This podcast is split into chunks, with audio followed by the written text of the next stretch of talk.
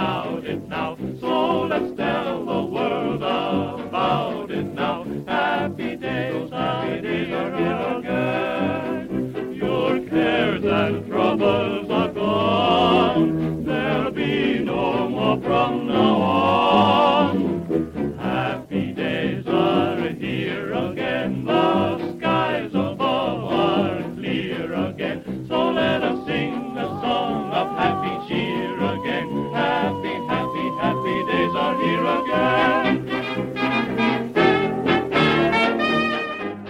...1920-at írunk, az előző év se volt unalmas, de 1920-ban annyi minden történt. Nagyjából elég is lesz egy órára, ha csak annyit teszek, hogy elmondom a kronológiát.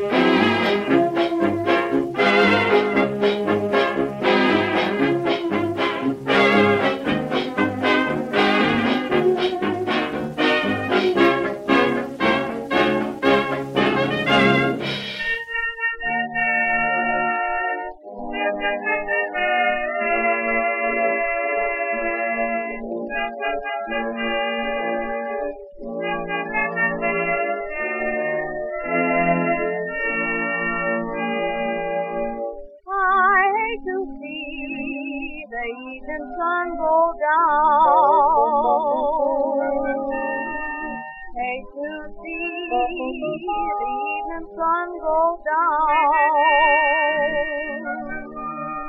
Hold my baby, he done left his town. Feeling tomorrow like I feel today.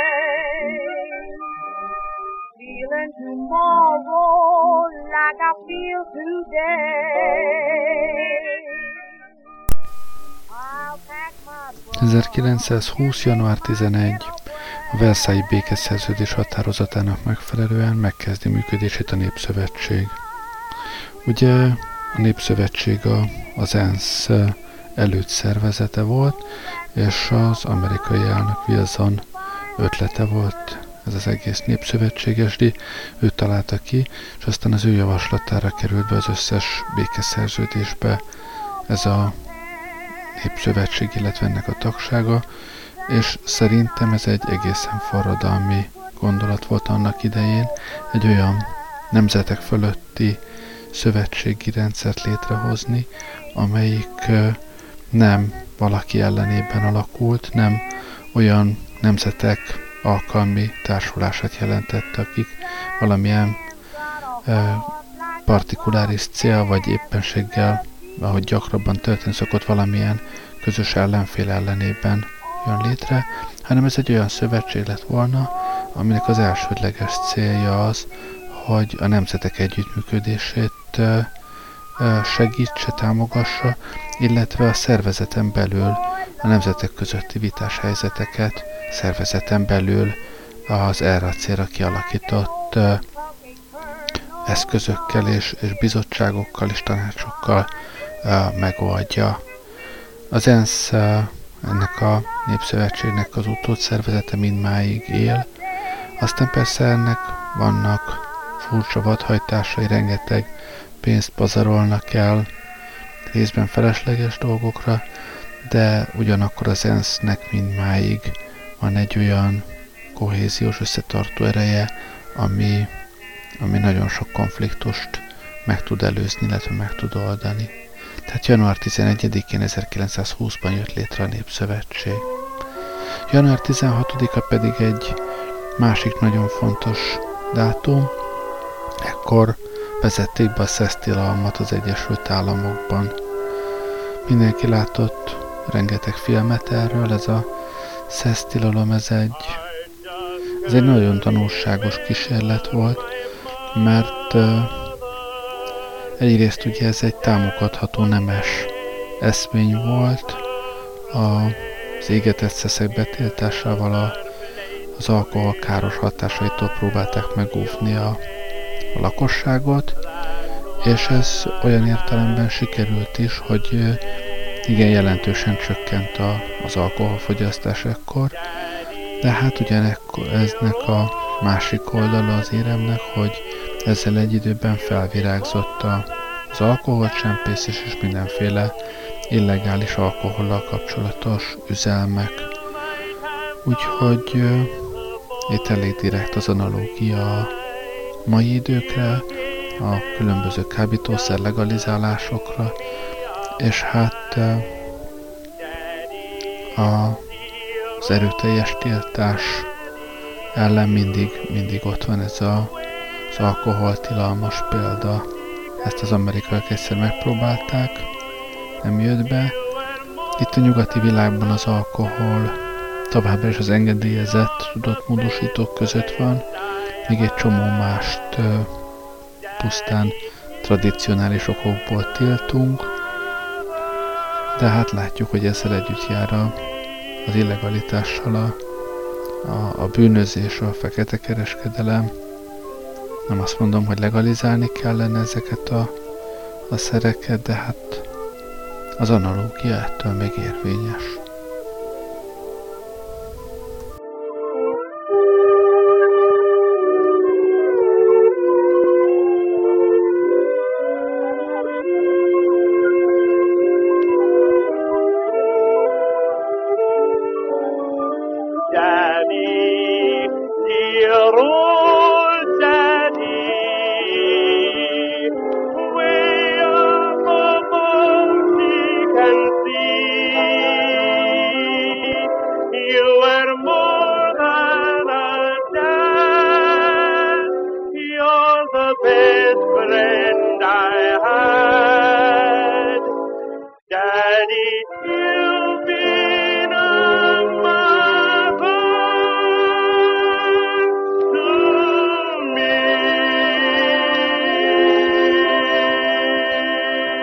Boys and girls. It's me, the Frito Bandito.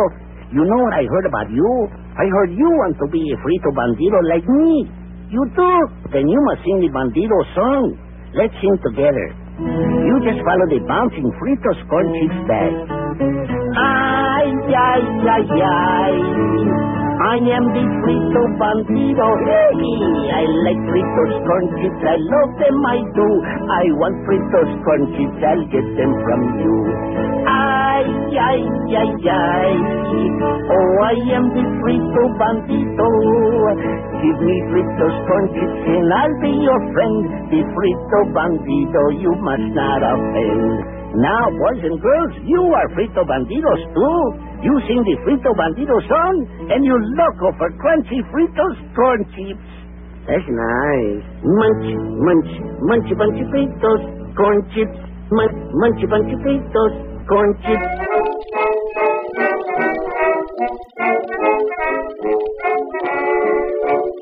Columbus discovered America in 1492. Then came the English and the Dutch, the Frenchman and the Jew. Then came the Swede and the Irishman who helped the country grow.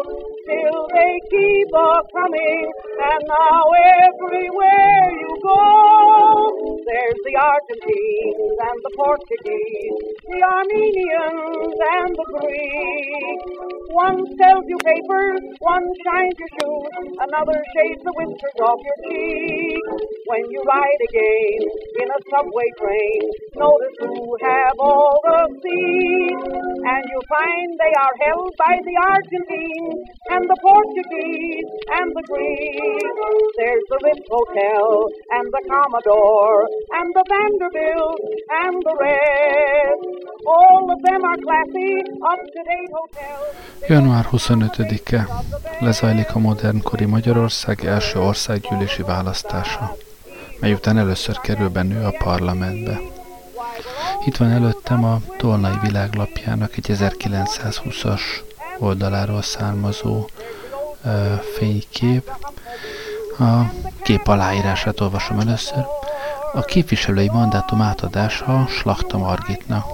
Vasárnap délelőtt adták át a Szent Háromság téren a mandátumot Slachta Margit missziónővérne, az első magyar nő képviselőnök.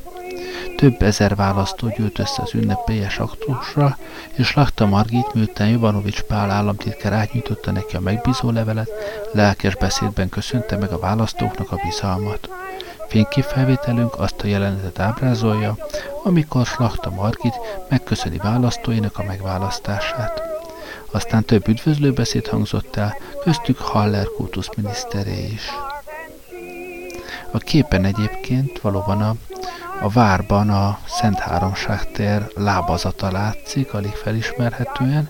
Azért alig felismerhető, mert tényleg hatalmas tömeg van körülötte, de nem áll úgy szépen rendbe a szobor körül, ahogy, ahogy manapság szokás, hanem ez a tömeg, ez szinte fölfolyik a, a szobor lépcsőire, a, a, a lábazatára, a kép közepén pedig ez a bizonyos Lakta Margit látható feketében, decens kis kalapban, kezében papírral, amiről valószínűleg olvasta a beszédét.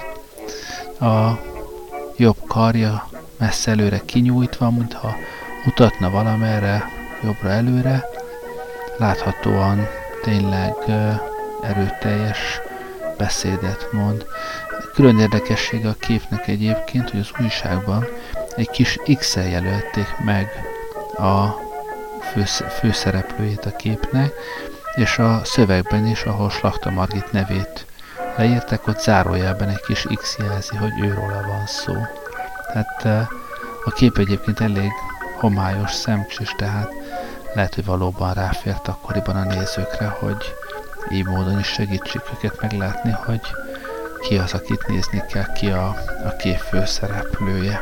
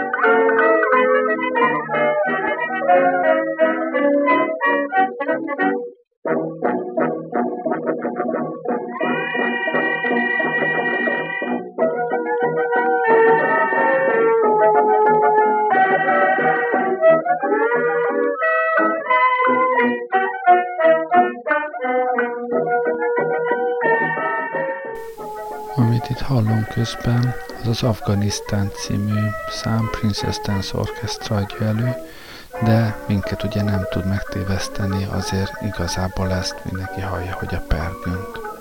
Na de vissza a kronológiához.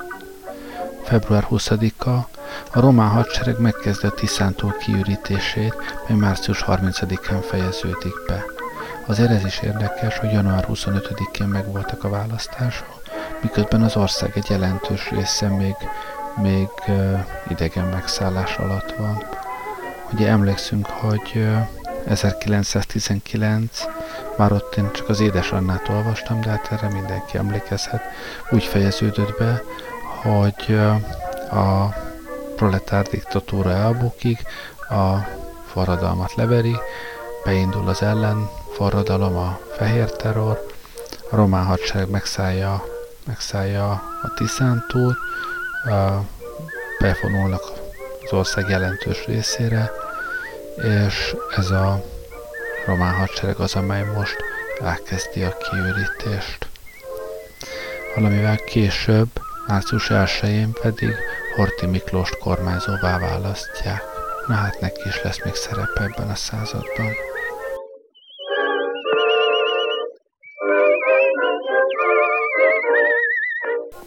Ha már a fehér terrornál tartunk, emlékezzünk meg még egy eseményről, ami 920.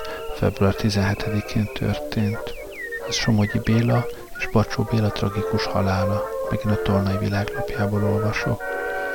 Nagy megdöbbenés keltett az a gyilkosság, melynek Somogyi Béla, a Népszava szerkesztője és Bacsó Béla, a Népszava munkatársa estek áldozattául. Uszár Károly miniszterelnök, Horti fővezér és Cerutti, a budapesti olasz misszió vezetője és megdöbbenésüknek és részvétüknek adta kifejezést az áldozatok sorsa iránt. Fontos állami érdeknek tartva a bűnösök kinyomozását, mert ellenségeink felhasználják ellenünk külföldön a szomorú esetet, és nekünk éppen most, amikor hazánk sorsáról döntene, soha nem volt még olyan nagy szükségünk a külföld rokon érzésére, mint most. A rendőrség a legnagyobb apparátussal végezte a nyomozást. Ennek dacára egyébként olyan sok eredményre nem jutotta, de ma már azért ezt elég jól lehet tudni, hogy kik voltak a gyilkosok. Most csak közülük egynek a későbbi életútjáról mondanék itt pár részletet. Kovarc Emil hadapród iskolába járt, katona az első világháborúban, az ellenforradalomban fehér tiszti mint tagja, a Somogyi Bacsó gyilkosság egyik elkövetője. Ezt soha nem titkolta. Horti bizalmi embereinek környezetében működik, különféle atrocitásokkal és terrorcselekményekkel gyanúsítható ebben az időben. 22 és 31 között csendőrtiszt, 31 és 38 között a Ludovika Akadémia, a tiszti főiskola tanára. 38 és 41 között a Nyilas Keresztes Párt, illetve a Hungarista Mozgalom szervezés vezetője, 38 és 41 között a Nyilas Keresztes Párt Budapesten megválasztott országgyűlési képviselője.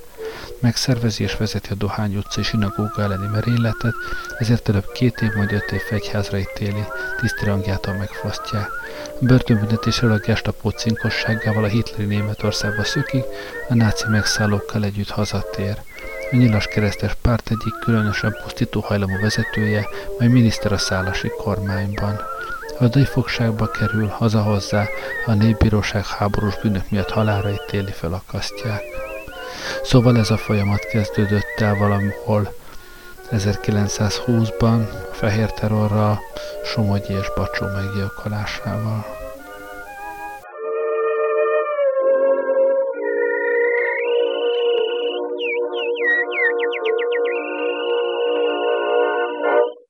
Once the time there was an engineer. Choo-choo Charlie was his name we hear. He had an engine and he sure had fun. He used good and plenty candy to make his train run. Charlie says, love my good and plenty. Charlie says, really rings the bell. Charlie says, love my good and plenty. Don't know any other candy that I love so well.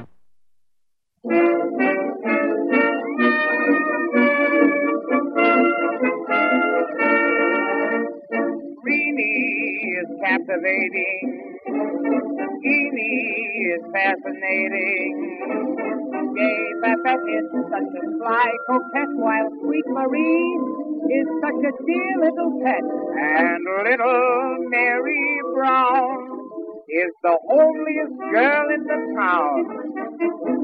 All the boys love Mary, follow her around, chase her all around. Reedy, Edie, Babette, and Marie are crying, what's the matter with me? All the boys love Mary, if you could see her face, you'd wonder why. But they ain't got what Mary's got. A daddy with a cellar full of you know what. All the boys love Mary, coming to the right. Greenie is athletic. Jeannie is sympathetic. Gay Babette at is quite a champ, while sweet Marie, boy, can roll her eyes like a vamp. And little Mary Brown is a sight in the handsomest gown. All the boys love Mary. They used to be content with half of one percent. Reedy, Jeannie, Babette, and Marie are serving nothing stronger than tea. All the boys love Mary. They love her more when they are feeling dry. They come in pairs from everywhere. Megkímélem magunkat attól, hogy Horti teljes idevezető a kormányzásig, kormányzóságig vezető útját végignézzem, de engem az mindig is nagyon érdekelt, hogy hogy lett Horti végül is kormányzó, mitől, mitől került ő ebbe a pozícióba, előtte nem volt sehol, se, aztán egyszer csak hip-hop bevonult fehér lovon, és ő lett a kormányzó. Hát végül is úgy látom, hogy ennek alapvetően két fő oka volt.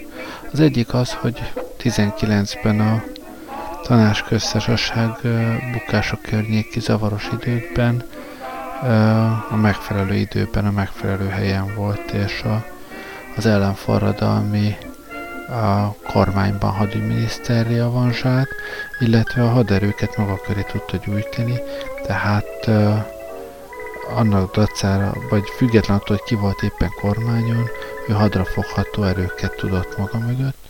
A másik pedig politikai ok, amennyiben a, a korabeli viták arról szóltak, hogy oké, oké, okay, okay, hogy a Habsburgokat trónfosztotta, de mégis akkor ki legyen a király ezután Magyarországon, mert hogy ugye korábban itt a királyság volt a bevett szokás, és a, az uralkodó elit egy része azon volt, hogy Károlyt hívják vissza, és legyen megint ő a király, egy más része pedig a szabad király választás mellett tört láncsát, azt mondták, hogy Károlyt már trónfosztották, válasszanak új királyt.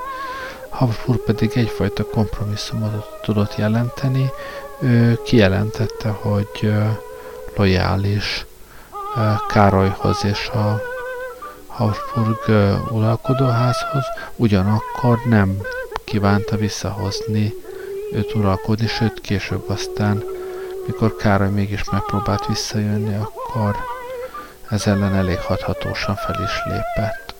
Tehát végül is így alakult ki ez a király nélküli királyság, ez a kormányzóság. Egyébként itt a Tornai világlapjában van egy kép is, aminek a címe a Volt király családja körében. Károly volt király teljes visszavonultságban él Svájcban, és idének legnagyobb részét családja körében tölti el. Fényképfelvételünk is egy ilyen intim családi körben ábrázolja a volt uralkodót. A képen egy öltönyös nyakkendős úr ül újságot olvasni fotelben, a háttérben egy lehetőleg a felesége ül egy ilyen kanapészerűn, és körükben még öt gyermekük ül, középen a földön a, a két szülő előtt egy ilyen erőteljesen lánynak kinéző hosszú hajú, talán rövid nadrágban levő gyerek látható, aki a képfelirat tanulsága szerint Otto volt trónörökös. Ő az a kopasz bácsi, akit Habsburg Otto néven ismerünk mindmáig.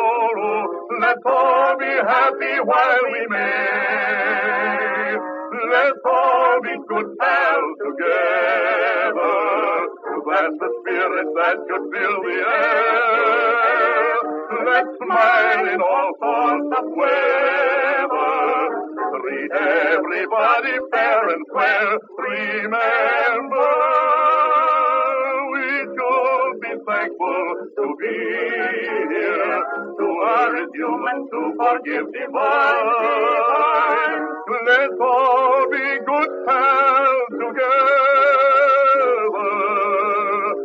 For when you're gone, you're gone a long, long time.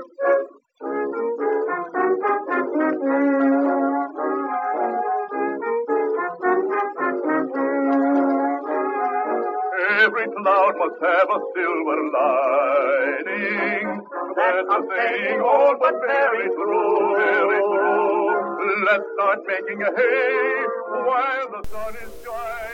1920. június 4-e aláírják a Versailles Trianon palotában Magyarország területének kétharmadát elcsatoló trianoni békeszerződést. Ez többé-kevésbé tiszta mindenki előtt, hogy ez a békeszerződés ez ezersebből vérzett már akkor is, amikor aláírták. Valószínű az is, hogy abban, hogy ez a szerződés végül is ilyen lett, amilyen, és hogy Magyarország területétől ennyit elcsatolta, ebben nyilván volt része, de talán csak kisebb része volt a, a háborús szereplésünknek. Ennél nagyobb súlyt kapott az, hogy vagy legalább ezzel azonos, a 1919-es magyarországi események, a tanácsköztársasága, a vörös veszély, amitől, amitől egész Nyugat-Európa rettegett, ezért volt az is, hogy Ausztriát, amely a háborúban ugyanúgy részes volt, de ahol a, ahol a kommunisták nem tudtak teret nyerni, nem büntették ilyen mértékben, sőt ők kaptak Magyarországtól területet, más országokkal együtt persze. Magyarország viszont, mivel nem csak hogy a háborúban állt a rossz oldalon, hanem a, utána még ezzel a kommunista kísérlettel is bepróbálkozott, hát így jártunk.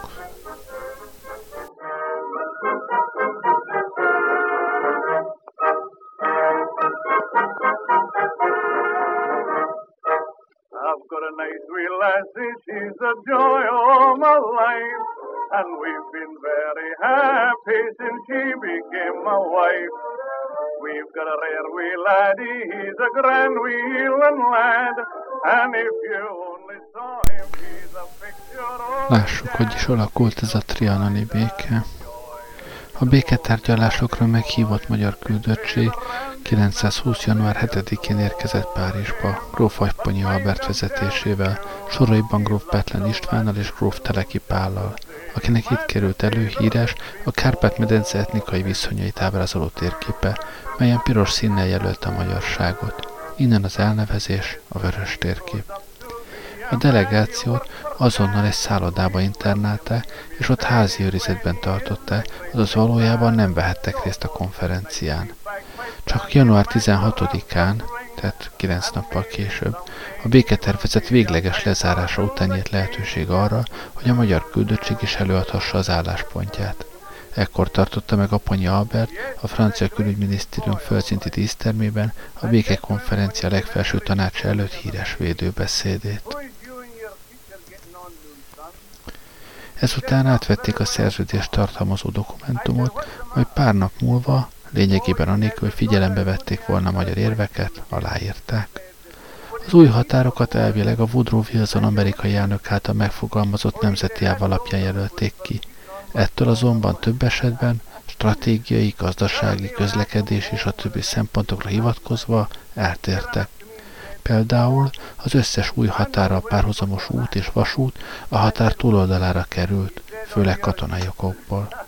Például az Arad nagyvárat már németi út és vasút, a Csallók köz, a megmaradt összekötő utak nélküli sugaras szerkezet máig a magyar közlekedés egyik gondja. Így kerültek egy befüggő magyar lakosságú tömbök is a határ túloldalára. Már legtöbbször ki lehetett volna jelölni megfelelő határt. A magyar tárgyalási stratégia alapvetően Magyarország területi integritásának megőrzését szerette volna elérni.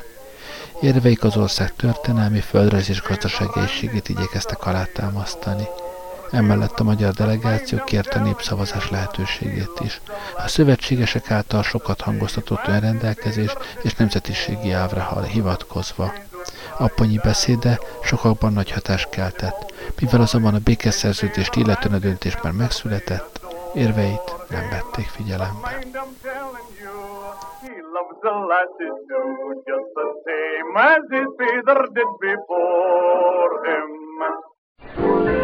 Mayfield.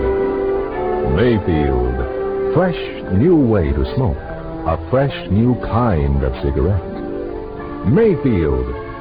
The smoothest thing that's happened to smoking since the filter. Mayfield with just enough menthol to smooth out the smoke, but not enough to blur the taste of the good tobaccos. And Mayfield gives you the reassurance of super filtration. There's no better filter on any leading cigarette, menthol or otherwise. Mayfield leaves your mouth clean, fresh, moist. Try Mayfield and discover the smooth satisfaction of this new kind of cigarette. Mayfield, fresh, new way to smoke.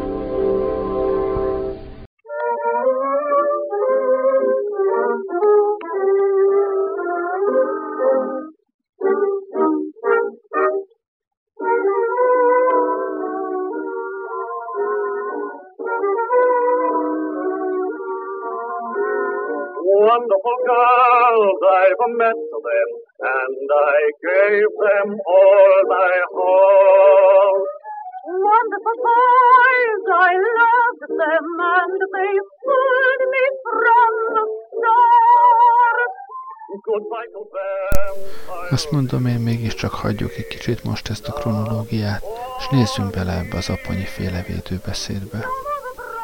Igen, tisztelt elnök úr, uraim! Engedjék meg, hogy még egyszer megköszönjem, hogy alkalmat adtak nekünk álláspontunk kifejtésére.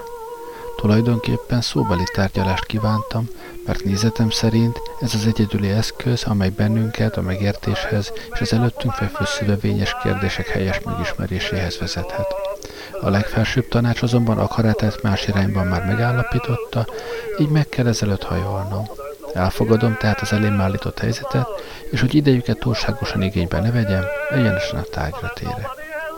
A mi szemünkben a tegnapot a mai naptól a békefeltételek hivatalos megismerése választja el.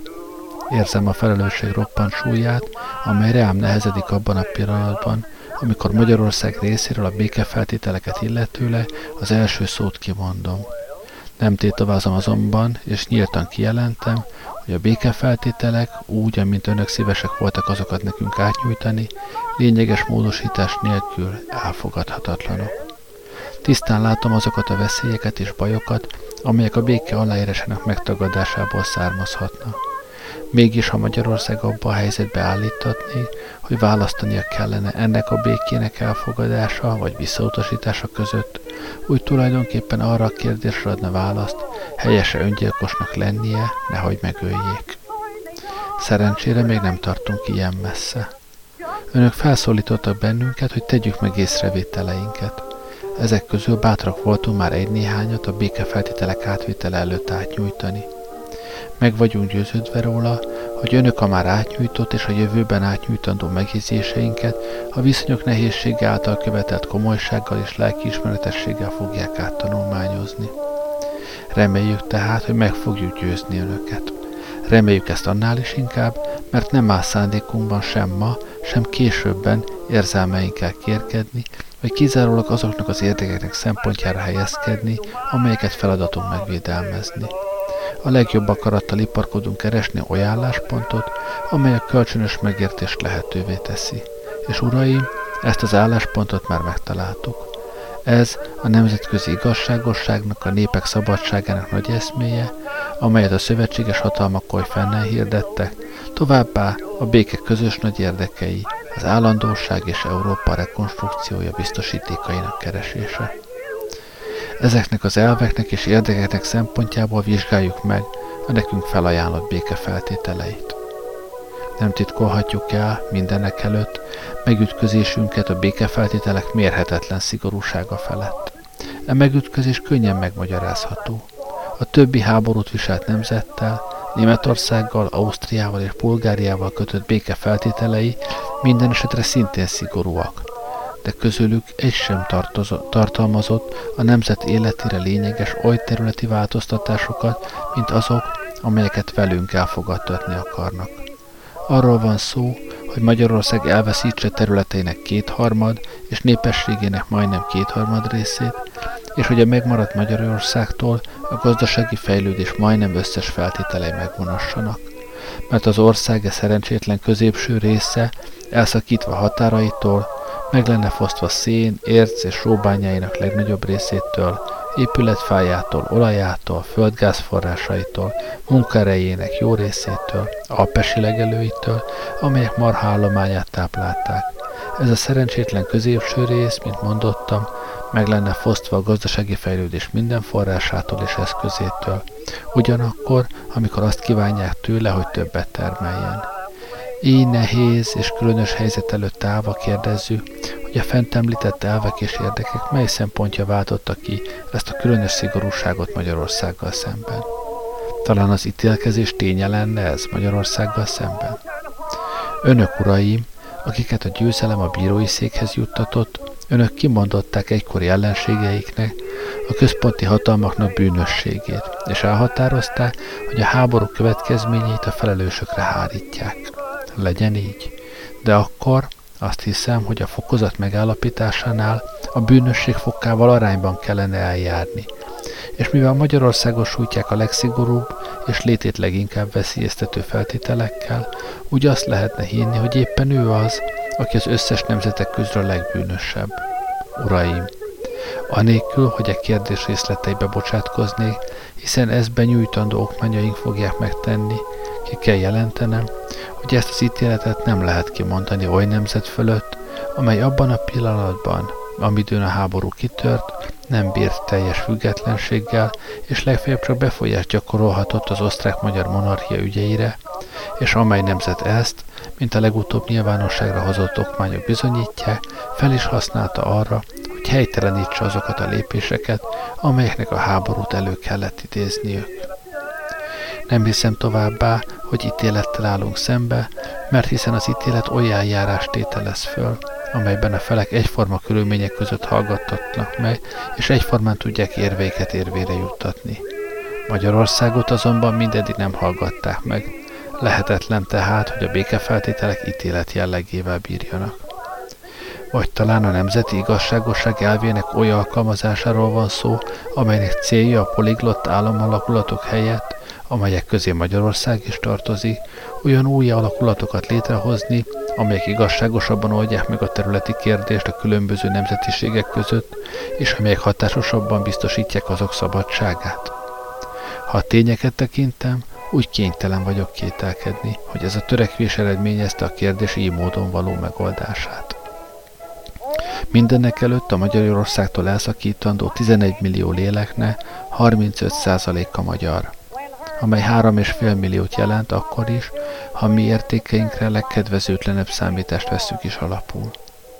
Elszakítanak még a békefeltételek körülbelül 1 és 1 millió németet, ami a magyarság százalék számával együtt az egésznek 45 százalékát jelenti. Ezekre nézve a nemzetiségi elv ilyen alkalmazási módja nem előnyt, hanem a szenvedések sorát jelenteni. Ha feltesszük tehát, amitől távol állok, hogy a nemzetiségi elv alkalmazása a fennmaradó 55%-ra nézve előnyösebb állapotot teremtene, mint a történelmi Magyarországon, még mindig az elszakítandó népesség majdnem felére nézve ez az elv nem vonatkozhat. Vagy ha vonatkozik, úgy fordított értelemben. Nézetem szerint pedig, ha elvekről van szó, úgy azokat egyenlő módon kell alkalmazni mindazokra, akiket a szerződés rendelkezései érintenek. Menjünk azonban tovább, és tekintsük a Magyarország romjain megnövekedett államokat. Megállapíthatjuk, hogy fai szempontból ezek is éppen úgy, vagy talán még jobban részekre lesznek darabolva, mint az egykori Magyarország. Nem célom önöket, uraim, kifárasztani azoknak az adatoknak felsorolásával, amelyeket az e kérdésben benyújtandó okmányaink különben is tartalmazni fognak. Addig is azonban, amíg ezeket megismerik, kérem önöket, fogadják el állításaimat, hogy követhessék következtetéseimet, amelyeket levezetni bátor leszek. in the barber shop on Police Gazette.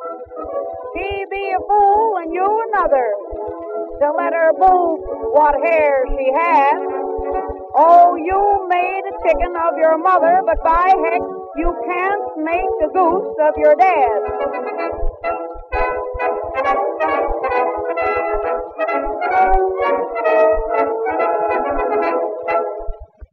Pepsi Cola hits the spot. Twelve full ounces, that's a lot.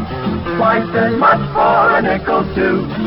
Pepsi Cola is the drink for Thirsty people everywhere prefer ice cold Pepsi Cola. And because it's light, it refreshes without filling. Charlie, be sociable. I am, Kay. Pepsi is a favorite of thirsty people from Maine to Hawaii, from Alaska to Florida. Charlie, It's perfect for parties or picnics. So serve Pepsi to your guests. that's helpful, but This is the sociable part. Keep plenty of Pepsi ice cold and ready. Remember, it goes fast because everybody likes Pepsi. singing still sounds more inviting. May I?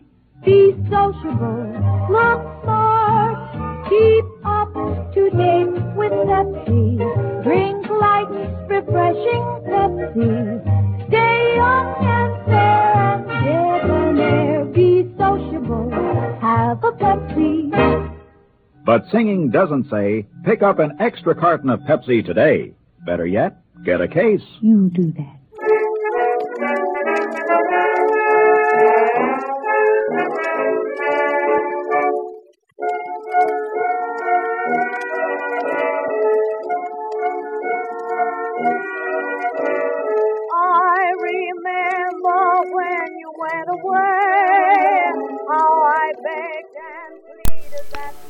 Láttuk már, hogy a szigor, amelyen Magyarországot sújtják, nem eredhet az ítélkezés tényéből. Láttuk, hogy a nemzetiségi elv sem nyerne ezáltal semmit. Talán akkor olyan szándékkal állunk szemben, amely a népek szabadságának eszméjét követi. Úgy látszik azonban, hogy ennek a szándéknak kiinduló pontja az a feltevés, amely szerint Magyarország idegen nyelvű lakosai szívesebben tartoznának olyan államhoz, amelyben az államfenntartó elemet fajrokonaik alkotják, mint Magyarországhoz, ahol a magyar hegemónia érvényesül. Ez azonban csak feltevés. és ha a feltevések útjára léptünk, úgy bátor vagyok megjegyezni, hogy a feltevés fordított értelemben alkalmazható arra 45% magyarra és németre, akik most egy új államhoz csatoltatna, és akikről feltételezhető, hogy szívesebben maradnának a magyar állampolgárai. Ez az okoskodás nem jelentene mást, mint hogy az előnyöket a másik oldalra helyezzük. De miért induljunk ki sejtésekből, és miért helyezkedjünk feltevésekre, amikor a valóság megállapítására rendelkezésünkre áll az az eszköz, egyszerű, de egyetlen eszköz, amelynek alkalmazását hangosan követeljük, hogy e kérdésben tisztán lássunk. És ez az eszköz a népszavazás. Amidőn ezt követeljük, hivatkozunk Wilson elnök úr oly kiválóan szavakba öntött nagy eszmére, amely szerint az embereknek egyetlen a kapcsolata, az államok lakosságának egyetlen része sem helyezhető akarata, megkérdezése nélkül, mint valami marhanyáj egy idegen állam fennhatósága alá. Ennek a nagy eszmének a nevében amely különben az erkölcsi alapon nyugvó egészséges emberi felfogásnak egy axiómája, követeljük a népszavazást hazánk azon részére vonatkozólag, amelyeket tőlünk most elszakítani akarnak. Kijelentem, hogy előre is alávetjük magunkat a népszavazás eredményének, bármi is legyen az. Természetesen követeljük, hogy a népszavazás olyan körülmények között tartassék meg, hogy annak szabadsága biztosítva legyen. A népszavazás annál is inkább szükséges, mivel a nemzetgyűlés, amely végső fokon hivatott a javasolt békefeltételek felett dönteni, csonka lesz. A megszállt területek lakói nem lesznek itt képviselve. Nincsen olyan kormány vagy nemzetgyűlés, amely jogi vagy erkölcsi szempontból jogosult volna dönteni azoknak a sorsa fölött, akik ott képviselve nincsenek. Különben a békeszerződés e tekintetben oly kifejezéseket tartalmaz, amelyekben a nehézség sejtelme rejlik. Magyarország a maga részéről lemond, amennyiben számot tarthatna. Ezek körülbelül a békeszerződés szavai. Valóban, nem érezzük magunkat feljogosítva oly határozatok hozatalára, amelyek akár jogi, akár morális kötelezettségeket rónának a lakosságnak arra a részére is, amely a nemzetgyűlésben képviselve nem lesz. Maga az eszme kívánja, hogy ezt a követelésünket a békekonferencia elé terjesszük. Ha egykori területünk a történelmi Magyarország érdekében felhozandó érveink az önök szemében nem lesznek eléggé döntőek, úgy azt javasoljuk, hogy kérdezzük meg az érdekelt népességet. Előre is alávetjük magunkat ítéletüknek. Ha pedig mi ezt az álláspontot foglaljuk el, és ha ellenfeleink követeléséget és aspirációkat nem merik a népítélete alé bocsátani, úgy vajon kinek a javára szól a föltevés? Még egy szempontból vehetjük tekintetbe a népek önrendelkezési jogát. Megkockáztatható volna az az állítás, hogy talán a nemzeti kisebbségek jogai hatásosabban lennének biztosítva az új államok területén, mint ahogy a Magyarországon voltak. Ez alkalommal nem akarok védőbeszédet tartani azon eljárás fölött, amelyet Magyarországra nem magyar fajó állítólagos elnyomása tekintetében követtek. Csak annak állítására szorítkozom, hogy nagyon örülnénk, ha tőlünk elszakított területen magyar testvéreink ugyanazon jogoknak és előnyöknek birtokában lennének, amelyel Magyarország nem magyar ajkú polgárai bírtak. Kérjük még továbbá azt is, hogy abban a végső esetben, ha területváltoztatásokat fognak ránk kényszeríteni, a nemzetiségi kisebbségek jogainak védelme hatásosabban és részletesebben biztosítassé, mint azt a nekünk átnyújtott békejavaslat terve veszi. Ami meggyőződés, meggyőződésünk szerint a tervbe vett biztosítékok elégtelenek. Erősebb biztosítékokat kívánunk, amelyeket a Magyarország területén megmaradó idegen lakosokkal szemben mi is készek vagyunk alkalmazni. Sorra vettem, uraim, az elveket, amelyek a békefeltételek megállapításánál számba jöhetne, és megállapíthatom, hogy nem tudtam a nemzetközi igazságosság, a nemzetiség és népek szabadsága elvének olyan alkalmazását megtalálni, amely nekünk felajánlott béke indítókait kellőleg megvilágította volna. Talán a fejtegetéseim bevezetésben már említett érdekek, a béke nagy érdekei, az állandóság és Európa rekonstrukciója sugalták őket. Uraim, a magyar probléma az általános problémának nem oly kis része, mint azt a statisztikai nyers számaiból következtetni lehetne. Ez a terület, amely Magyarországot alkotja, és amely jogilag ma is Magyarország, századokon át rendkívül fontos szerepet játszott Európában, különösen Közép-Európában, a béke és a biztonság fenntartása tekintetében. A magyar honfoglalást és a magyaroknak a keresztény hitre való áttérését megelőző évszázadokban hiányzott itt a nyugalom és a biztonság. Közép-Európa a legkülönbözőbb barbár népek támadásainak volt kitéve. A biztonság csak ettől a pillanattól fogva állt fenn, amikor a magyar védővonal kialakult. Az állandóság és a béke általános szempontjaiból rendkívül fontos, hogy a zavarok kelet-európai főfészke ne nyerjen tért. A történelmi Magyarország töltötte be azt a feladatot, hogy oly államot tartva fenn, amelyben egyensúly és biztonság uralkodott, megvédte Európát a keletről fenyegető közvetlen veszedelmek elől. Ezt a hivatását tíz századon át töltötte be, és erre egyedül organikus egységek képesítette. Idézem a nagy francia geográfusnak szavait, amelyek szerint ez az ország oly tökéletes földrajzi egység, amely Európában egyedül áll. Folyóink és völgyeink rendszere, amelyek a határoktól kiindulva a középpont felé törekszenek, olyan egységet alkotnak, amely csak egységes hatalom által kormányozható. Részének gazdasági függése szintén a legteljesebb, miután a közép hatalmas gazdasági üzemet alkot, a szélek tartalmazzák pedig mindazt az anyagot, amire a gazdasági fejlődés szempontjaiból szüksége van.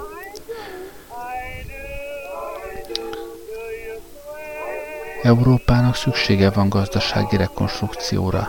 A gazdasági fejlődést azonban az új alakulatok bizonyára meg fogják gátolni. Ez a körülmény a megmaradt Magyarországon szükségképpen be fog következni, de hasonló lesz a helyzet az elszakított részeken is.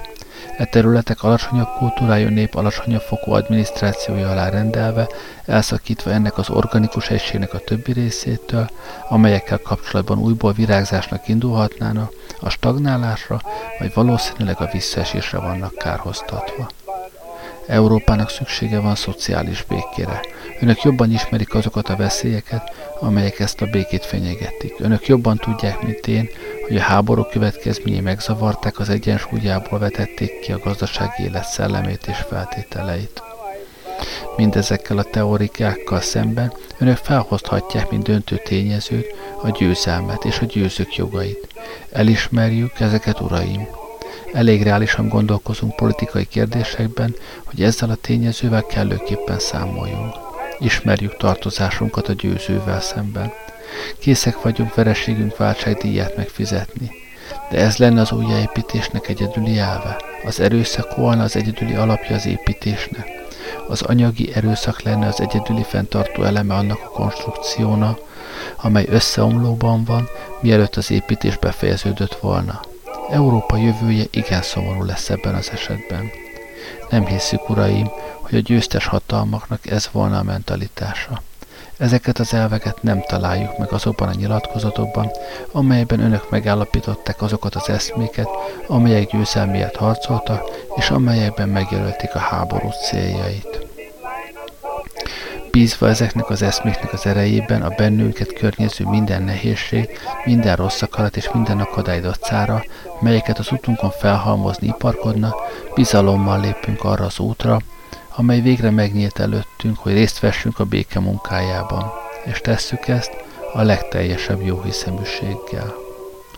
Csak egy pár szót kívánok még, uraim, némely részletkérdést illetőleg megjegyezni. Beláthatják, hogy nem térhettem ki a nekünk felajánlott béke részletes tárgyalására. Egyedül a területi kérdéssel foglalkoztam, mert ez a kérdés magában foglalja a többieket. Felszeretném azonban hívni a figyelmüket még egy néhány pontra, amelynek megoldása nézetem szerint rendkívül sürgős. Mindenek előtt a humanizmusnak egyik kérdése, a hadi foglyoknak kérdése előttünk. A békeszerződés szavai szerint a hadifoglyok hazaszállítása csak a béke ratifikációja után történik meg. Kérem önöket, uraim, ne vegyenek tekintetbe egy formalizmust, amely miatt annyi ártatlan család szenvedhetne. A szerencsétlen szibériai hadifoglyok ügyében külön beadványjal fordultunk a legfelsőbb tanácshoz. Ennek a kérdésnek a megoldásánál hivatkozom az önök emberies érzésére. Még egy megjegyzést kívánok tenni a pénzügyi határozatokra vonatkozólag. Nézetem szerint a békeszerződés nem veszi eléggé figyelembe Magyarország különleges helyzetét. Magyarországnak két forradalmat, a bolsevizmus négy hónapos dühöngését és több hónapos román megszállást kellett átélnie.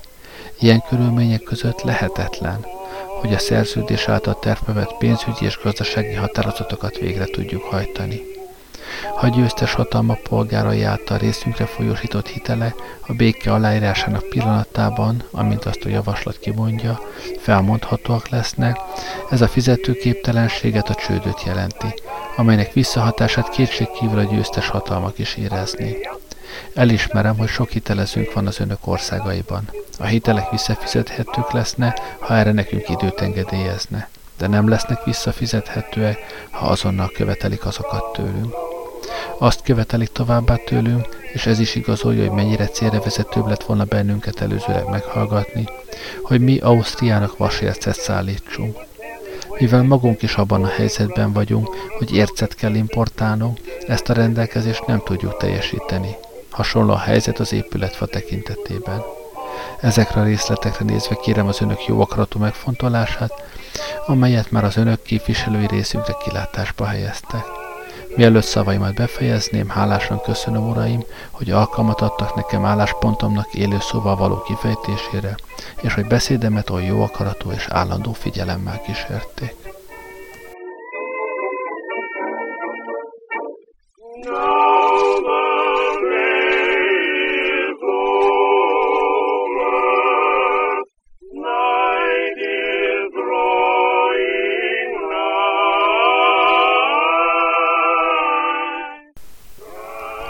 És így vagyok ezzel. Köszönöm, uraim és hölgyeim, hogy alkalmat adtak nekem álláspontomnak élő szóval való kifejtésére, és hogy beszédemet oly jó akaratú és állandó figyelemmel kísérték. Nem kerül sor ma este arra, hogy a, a kronológiában még hátralevő részeket, például a numerus clausus a, a zsidók részarányára vonatkozó törvényt megemlítsem, letelt az idő. Jó éjszakát kívánok, köszönöm, hogy velem voltatok ma este. Gerlei Rádiózott.